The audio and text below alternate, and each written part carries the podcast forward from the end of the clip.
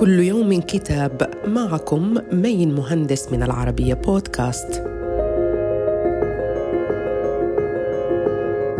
نتناول اليوم كتاب لغز الماء في الأندلس لمؤلفه شريف عبد الرحمن جاه وهو مؤرخ مغربي ورئيس مؤسسة الثقافة الإسلامية في مدريد.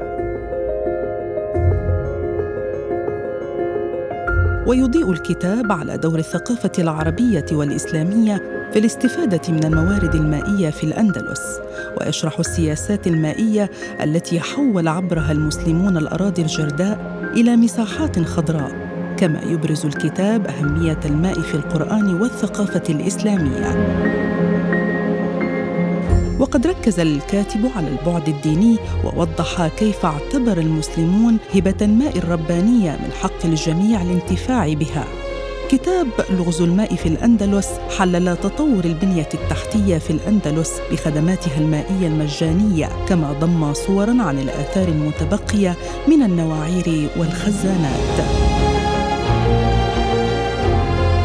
كتاب لغز الماء في الأندلس صدر عن دار النشر كلمة وقامت بترجمته دكتورة زينب بنيايا صحيفة الحياة قالت بأن الكتاب عرض تاريخي وموثق حول علاقة الإنسان بالماء في إطار المشهد الأندلسي الإسلامي. فيما وصفته البيان الإماراتية بأنه جمع بين سحر الأندلس البديع والحس الرهيف والماء الرقراق الشفيف. وإلى اللقاء مع كتاب جديد.